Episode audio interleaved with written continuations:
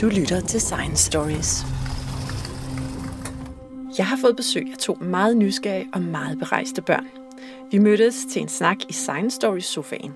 To hunde, Lille og Albi, holdt dem med selskab. Og hvis du, kære lytter, en gang imellem synes, at det bruster lidt i mikrofonen, så er det fordi en nysgerrig hundesnude lige skulle undersøge, om mikrofonen kunne spises.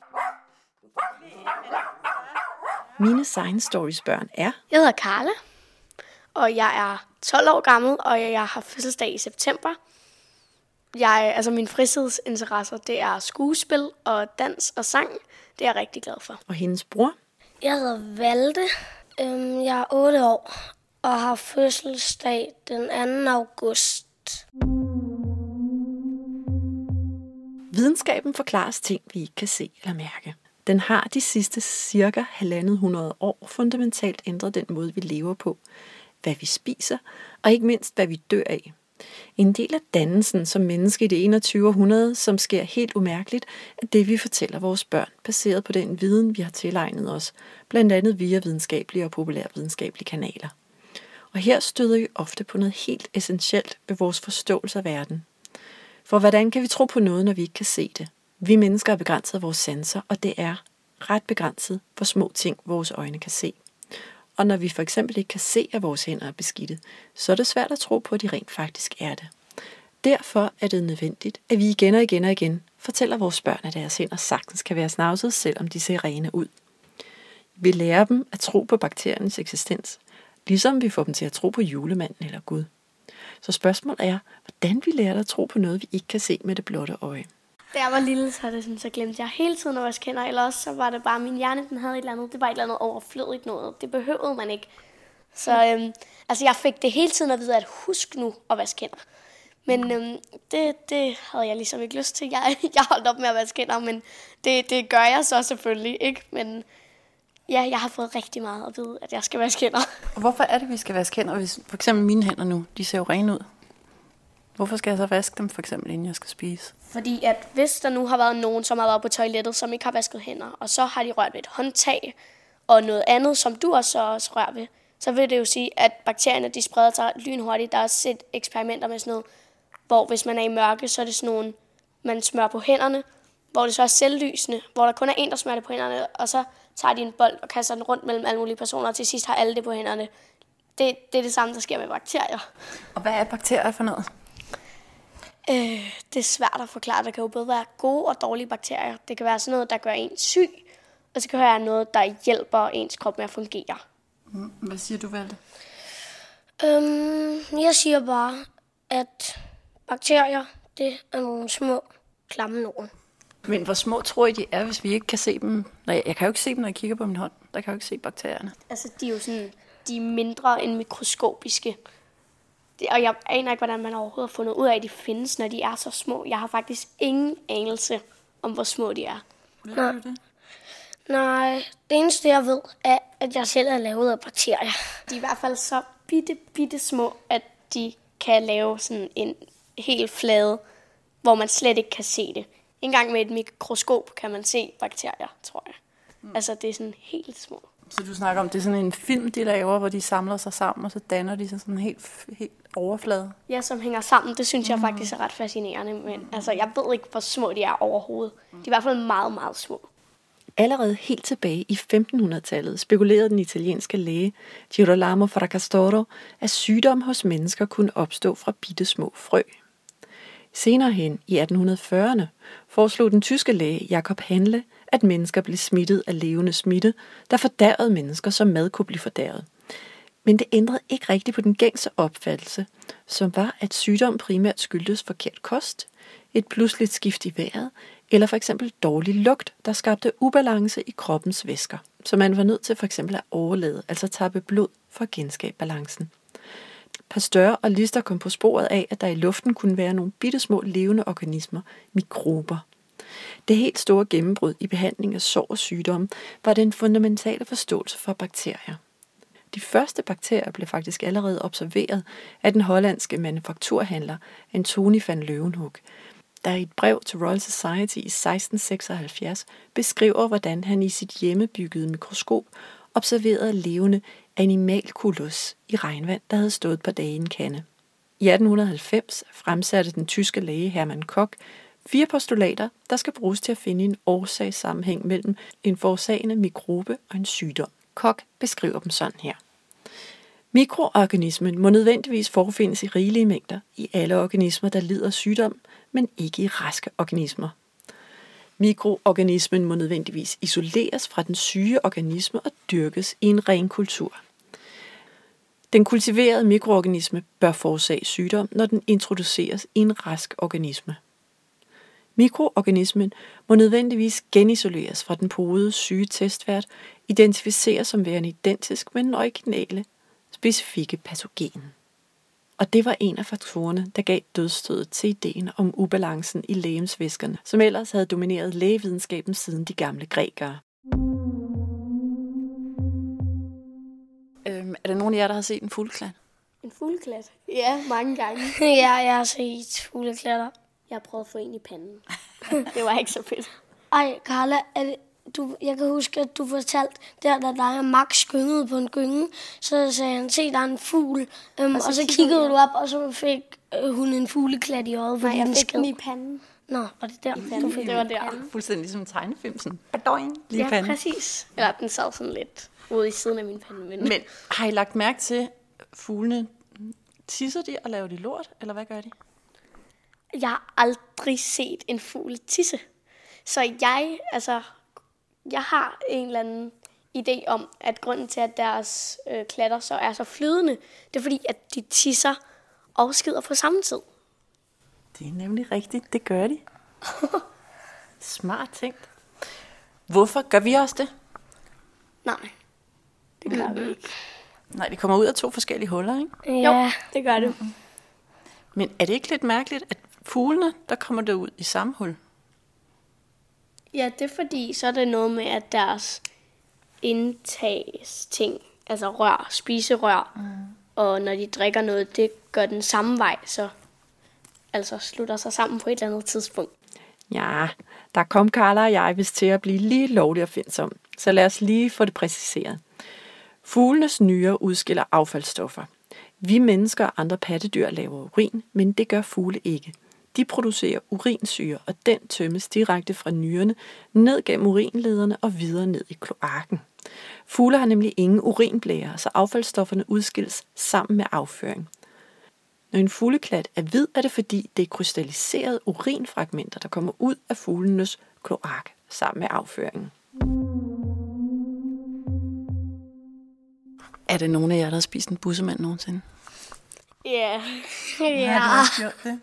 Hvordan smager den, Valde? det smager godt. Ja, den smager lidt godt, ikke? Hvad smager den af? Kan du prøve at forklare det? Smager den sødt? Smager den salt? Smager den surt? Det har jeg egentlig aldrig tænkt over, så jeg kan ikke helt huske Du kan ikke huske det. Kan du huske det? øh, altså det er jo en blanding af snot og støv, og jeg har, jeg har aldrig smagt på støv. Det er svært at forklare, så den smager nok bare sådan lidt. Jeg ved, jeg ved ikke, om snot er salt eller sådan noget. Det, har, det smager bare... Det, jeg tror, det smager ikke ret meget. Nej, det smager nok bare mest af salt, ikke? Jo. Sådan, ja. Men det er sjovt, fordi man synes også, det er på sådan lidt totalt ulækkert at snakke om, når man tænker på det, ikke? Ja. Men hvad så? Er der nogen af jer, der har prøvet og så tænke, okay, bussemænd, de smager jo egentlig meget godt. Hvad så med ørevoks? Kan du vide, hvordan det smager? Har I smagt på det? Jeg har faktisk smagt på det. Det smager virkelig dårligt. Det Ja, gjorde jeg ikke? også på et tidspunkt. Det kan jeg godt huske. Det smager meget bittert. Ja. Eller sådan, det har en meget kraftig smag. Mm.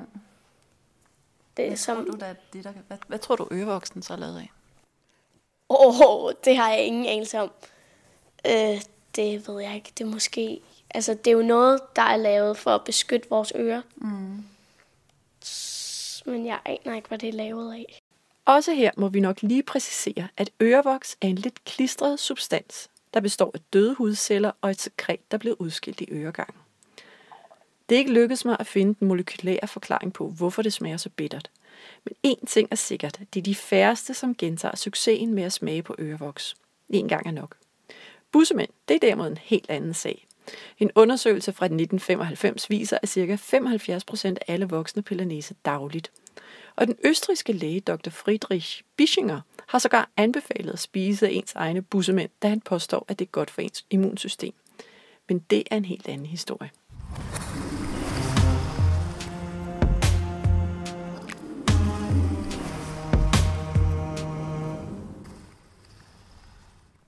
Er der så nogen af jer, der har prøvet prutte? Ja. Ved du, hvor mange prutter man prutter i løbet af en dag? Nej, det er jo ikke altid, man lægger mærke til det. Nej. Men mange sikkert. Ja. Jeg tror, det er noget med en til 20 gange eller sådan noget mindst. Wow. Mindst. Men det skal vi nok lige undersøge. Men hvorfor prutter man? Er der nogen, der ved det? Det er der også en film, der hedder. ja. Ej, nej, Carla, det er ikke en film, det er et afsnit. til et afsnit. Der var det et eller andet med, at det var fordi, så kunne man svinge sig i lianerne og sådan noget. Og så, men så skulle man jo bruge begge hænder. Nå, jeg kan Og så huske det andet. Hvad Og så, hvad er det? Nå ja. Det var sådan så, at inden man kunne øh, finde ud af at tale med munden, øhm, og man kun kunne finde ud af at spise Ja. øhm, med den, så, øhm, så altså, det var i hvert fald sådan, det var i øh, film, så pruttede man, og det var den måde, man talte på. Oh, det var jo smart. Ja. Ja, ja. Tror I, det har noget at gøre med den måde, vi spiser mad på? At vi prutter? Har I tænkt over det? Det ved jeg jo ikke. Der er jo noget... Nogen påstår jo, at når man spiser kål, så prutter man mm. mere. Har du prøvet det? Altså, jeg, jeg spiser ret meget kål, men det, jeg tror ikke, det får mig til at prutte mere. Jeg ved det ikke. Prutter består af en blanding af gasser fra den nederste del af tarmsystemet, som bliver presset ud gennem numsen. Prutter består mest af kvælstof, men indeholder også andre gasser, som kommer fra kroppens fordøjelsesproces. Prutter har en helt individuel lugt, som skyldes den specielle sammensætning af bakterier, vi hver især har i tarmen. Forsøg har vist, at vi bedst kan lide lugten af vores egne prutter. Nu sidder jeg jo kæler med, med den her lille søde hund, Lille. Ja. Øhm, prøv at forklare, hvordan hun ser ud. Øhm, hun er hvid, og så har hun ben. Ja. Har, du siger, hun er hvid. Hvad er det, der er hvidt på hende? Hendes pels. Hun har pels. Hvor er din pels? Jeg har ingen. Du har ikke nogen pels. Hvorfor har du ikke pels? Det har jeg egentlig aldrig tænkt over. Har du noget gæt? Øh, det er vist noget, der er blevet sådan... Det er blevet... Altså, der er blevet afviklet vores pels efter altså, de sådan urtidsfolket, fordi der havde de brug for det. Men efter at vi sådan bor i huse med varme og sådan noget, så har vi jo ikke brug for pelsen. Vi har så stadig pels på hovedet og også lidt hår på armene og sådan noget. Så øhm, vi har stadig lidt pels, men ikke lige så meget.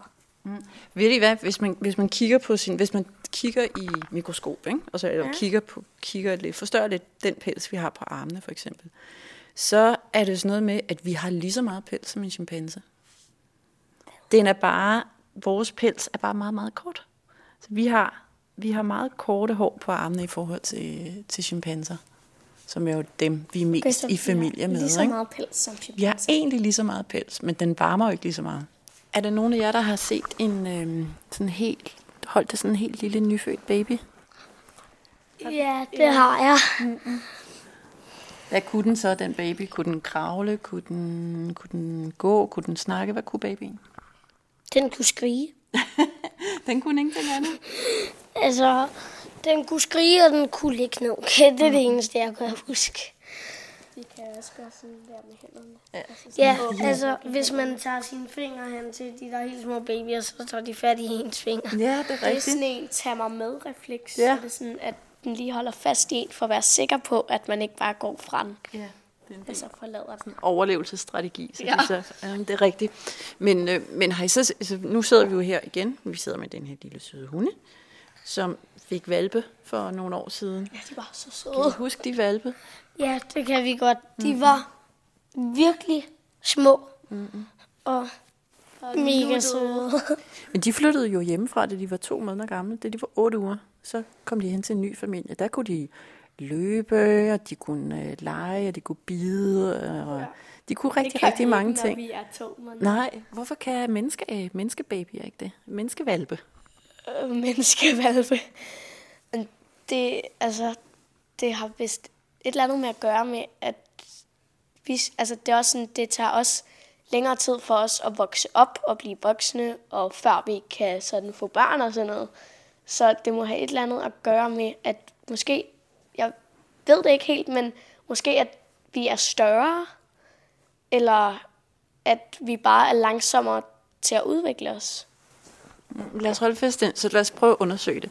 Så du siger, at vi er større, men øh, hvor lang tid tager det, før en ko bliver voksen og kan klare sig selv? Altså, den, den kan sådan give mælk, når den er et et halvt år cirka. Mm. Men den bliver rigtig hurtigt stor. Og så, den kan godt løbe og sådan noget allerede sådan fire timer efter den er født, og den kan rejse sig op i hvert fald sådan en og en halv time efter, og det er rigtig hurtigt mm. i forhold til os. Yeah. Så, så, okay, så, så, vi kan regne, så vi kan regne ud, det er ikke størrelsen, der er afgørende for, hvor, hvor hurtigt at sådan et, en, en, øh, en lille, der var slikker løs. Nej, det er så ikke så, størrelsen. Nej, så øhm, hvad tænker du så, det kan være? Det kan have, været, det kan have noget at gøre med altså ens race -agtig. At øh, de, de er dyr, og de skal ligesom kunne beskytte sig ret hurtigt. Hvis, altså for eksempel ude i naturen, hvis der lige er blevet født en lille kid, for eksempel af en, en gazelle af en slags, så skal det meget hurtigt op at kunne, altså at kunne løbe og stå, for ligesom at kunne klare sig, hvis der kommer et rovdyr og jagtede dem. Mm. Så det har også noget med overlevelse at gøre. Vi er jo vant til, at vi kan bare være helt i sikkerhed. Vi, altså, mor er der til at passe på en, så man kan ligesom bare tage sig alt den tid i verden, man har lyst til. Okay, så vi er ikke... Øh, vi er et rovdyr, så vi sidder vi er ikke i bunden af fødekæden. Ja, præcis. Ja, hvad siger du, Val? Det var lige um, noget, jeg vil sige til Carla, fordi at, ja, altså, ja. Um, vi er jo faktisk også dyr. Vi er verdens farligste dyr. Det er rigtigt. Fordi altså, vi øh, fælder jo skove, øhm, der hvor de andre dyr er og sådan noget. Og vi har fundet gevær og sådan noget, som vi bare kan skyde de andre dyr med. Ja, vi har fundet en million måder at slå andre levende væsener ihjel på. Ja. ja. ja. Det er rigtigt. Det er frygteligt. Mm. Okay, så lad os holde fast den. Så vi er et rovdyr. Ja. Så vi behøver ikke gå og bekymre os lige så meget for rigtig mange dyr. Der er selvfølgelig nogle rovdyr, der stadigvæk kan spise os, men ikke så mange. Hvad for nogle dyr er vi mest i familie med?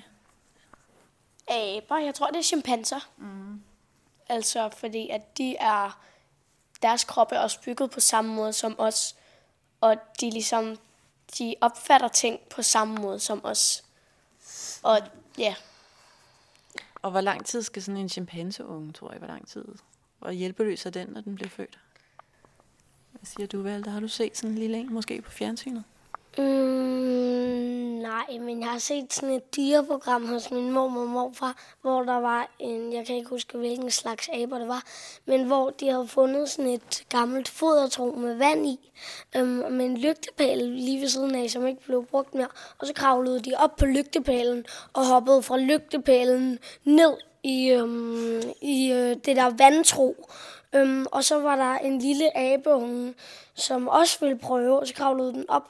Øhm, og så var der en stor en, som, øh, fordi den ikke kunne vente, så den skubbede bare den lille ned, som bare blev sådan her og lavede maveplasker. No. Så de er, altså, de er ret kloge, at de kan finde ud af, at man kan klatre op på sådan en og hoppe ned i og vandet. Og ned. Mm. ja, hvis de var langsomme. Mm, så det, de siger, det er også, de, de kan godt finde ud af at lege. De har det sjovt. Ja. Ja. De har lyst til at have det sjovt. Ja. ja. De har også brug for underholdning, ligesom os. Ja, men er det ikke mærkeligt, at vi er sådan nogen, der bare skal underholdes hele tiden?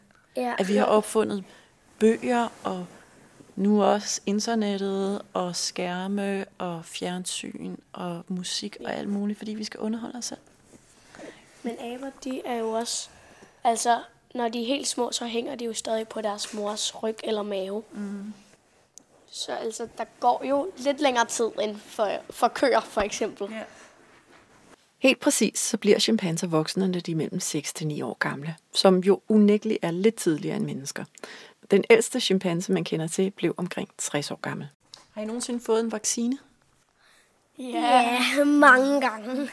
Jeg har også prøvet at få en blodprøve. Det var for ikke så lang tid siden, fordi jeg fik hoftebetændelse.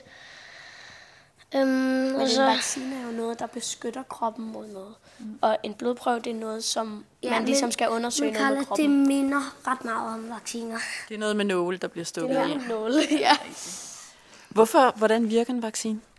Altså, den virker sådan, at for eksempel en vaccine mod malaria, så, er det sådan, så bliver der sprøjtet en lille smule af sygdommen malaria ind i kroppen, så kroppen ligesom opbygger et stærkere forsvar mod den sygdom. Hvad er det? Er det for vi? Så jeg har fået malaria altså ind i mig? en lille smule, så kroppen ligesom kan... Altså, man kunne slet ikke mærke det, da vi skulle til Uganda. Nej, vi spiser jo også malaria-piller hver dag, ikke? Ja. Synes du, det er mærkeligt at tænke på, at du fik en lille smule af en sygdom ind i kroppen? Ja, altså en farlig sygdom, som jeg fik ind i kroppen, og det var meningen. Mm. Det synes jeg er lidt mærkeligt at tænke på.